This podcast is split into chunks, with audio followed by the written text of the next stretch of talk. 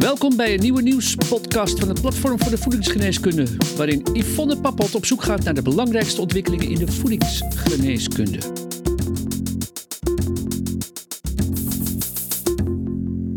Hallo luisteraars, welkom weer bij de wekelijkse nieuwspodcast van Voedingsgeneeskunde. Met deze podcast inspireren we jou over de rol van leefstijl, voeding en specifieke nutriënten in relatie tot gezondheid en ziekte. Mijn naam is Yvonne Pappot en ook voor deze week hebben we weer een interessant onderwerp uitgekozen om met Andrea van Vuren in gesprek te gaan. Namelijk de darm-breinas. Een onderwerp dat mooi linkt naar het Voedingsgeneeskunde Congres op 2 juni over voeding voor het brein. Andrea, die darm-breinas benader jij ook wel als darmmicrobiota-breinas. En je noemt het een geniale communicatieas. Kun jij kort uitleggen wat deze as is en doet? Ja, het is inderdaad een geniale communicatieas. Ik ben er zeer door gefascineerd.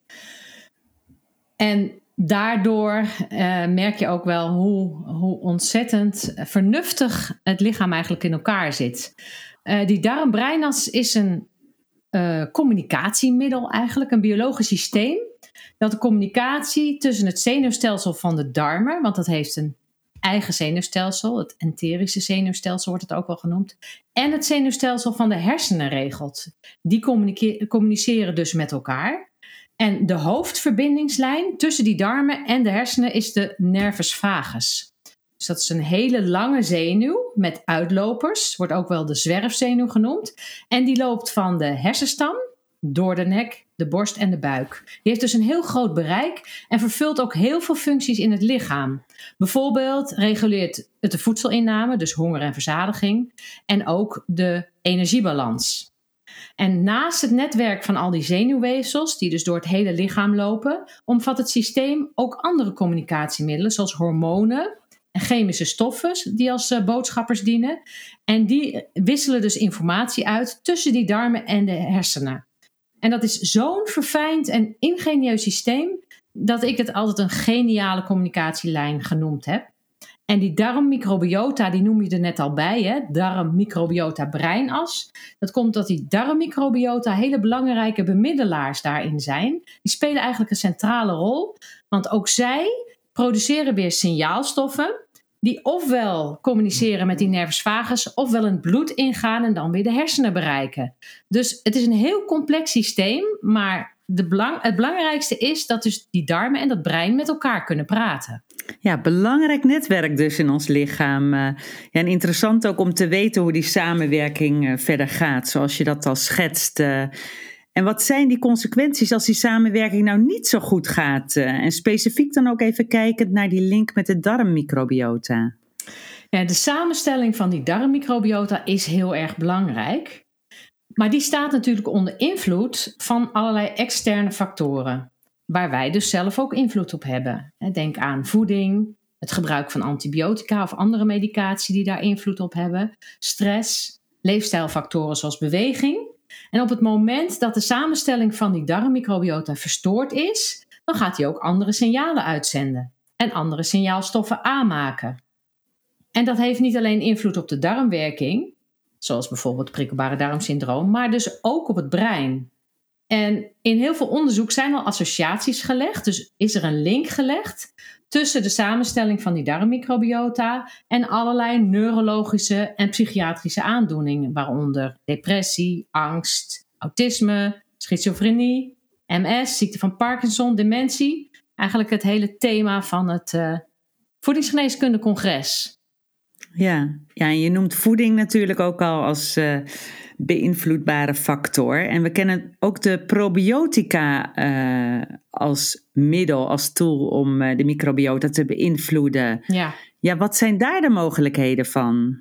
Ja, daar wordt op dit moment heel veel onderzoek naar gedaan. Maar ja, zo, waar ik iedere keer weer in podcasten op terugkom, dat onderzoek is zo enorm complex.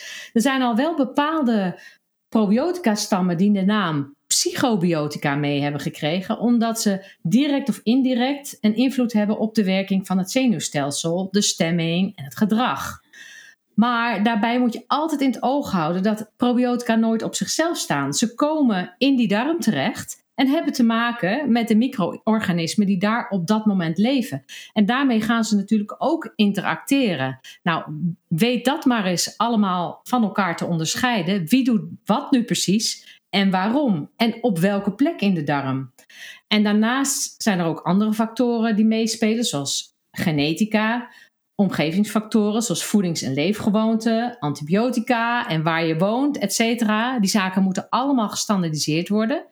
Maar ik kan wel zeggen dat er steeds meer aanwijzingen komen dat die darmmicrobiota, als je die beïnvloedt, dat dat dus ook invloed heeft op, uh, op het brein, op het zenuwstelsel en op gedrag.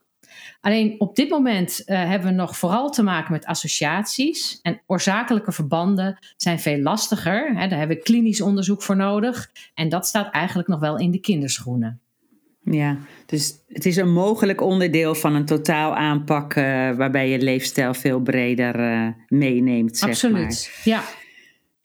Ja, en ja, wat kunnen we verder doen om die hersen, uh, darm-hersenas zo goed mogelijk te laten werken? Je hebt natuurlijk al een aantal zaken genoemd, maar als we ook specifiek kijken naar die voeding en specifieke nutriënten. Ja, ik denk ook uh, daarnaast ook stress. Hè? Dat is ook een hele belangrijke factor die invloed heeft op de samenstelling van darmmicrobiota. Dat merk je zelf al. ik merk het zelf al voordat we deze podcast gaan opnemen dan krijg ik al een beetje rommelingen in mijn darmen. Dus dat is die nervus vagus die daar ook direct invloed op heeft. En die ook weer samenwerkt met die HPA-as.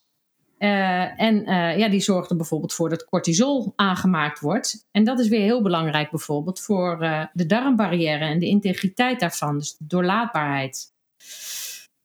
Andersom, de signalen van de darmen naar de hersenen, ja, daar speelt inderdaad voeding en leefstijl ook een hele belangrijke rol bij. Een gevarieerde en vezelrijke voeding zorgt dat die darmmicrobiota goed gevoed wordt en ook heel gevarieerd is. En, eh, en daar kunnen we dan ook, uh, daar komen die probiotica ook om de hoek kijken. Ik ben zelf niet een voorstander van probiotica gebruik om uh, die darmmicrobiota te onderhouden. Want ik denk dat dat vooral heel goed kan met voeding en leefstijl.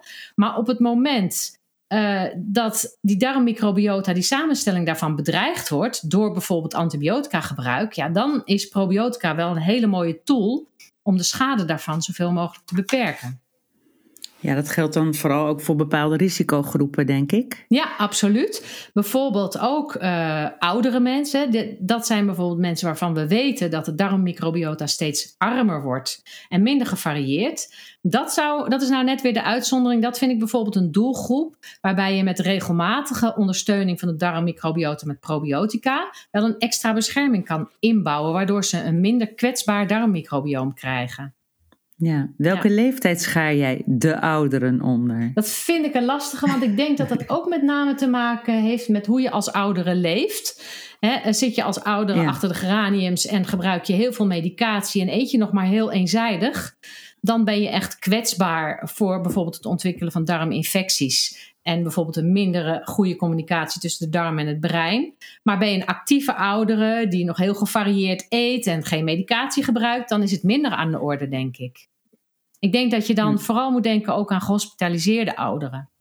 Ja, oké. Okay. Ja. En je eindconclusie ten aanzien van dit onderwerp uh, over die darmbreinas. Uh, wat ja, geef je de mensen mee? Wat ik uh, wil blijven benadrukken is: verzorg je darmen goed. Onderschat niet de rol van je darmen en het darmmicrobioom. En wees er voorzichtig mee. En blijf je verbazen over de vernuchterheid van je lichaam. Dus verzorg het goed en ja, met name met dan een goede gevarieerde vezelrijke voeding en vooral heel veel verschillende soorten groenten en fruit. En dat zorgt voor een brede variatie ook uh, in je microbioom. En jouw woord van de week, uh, Andrea? Ja, die uh, darm-breinas, dat is natuurlijk een communicatielijn. Dus ik wil maar een beetje in die termen blij blijven. Voorkom ruis op de lijn.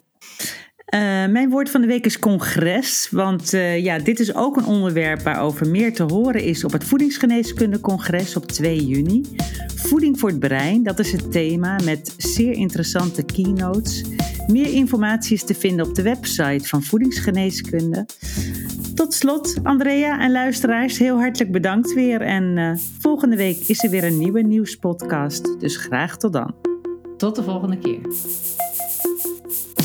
Via vakblad, website, podcasts en een jaarlijks congres biedt voedingsgeneeskunde al meer dan 20 jaar professionele en wetenschappelijk onderbouwde kennis.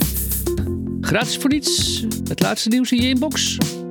Schrijf je dan in voor de wekelijkse nieuwsbrief op www.voedingsgeneeskunde.nl. Redactie en productie Yvonne Papot. Techniek Sjoerd Kaandorp. Voedingsgeneeskunde is een project van uitgeverij Media Medica.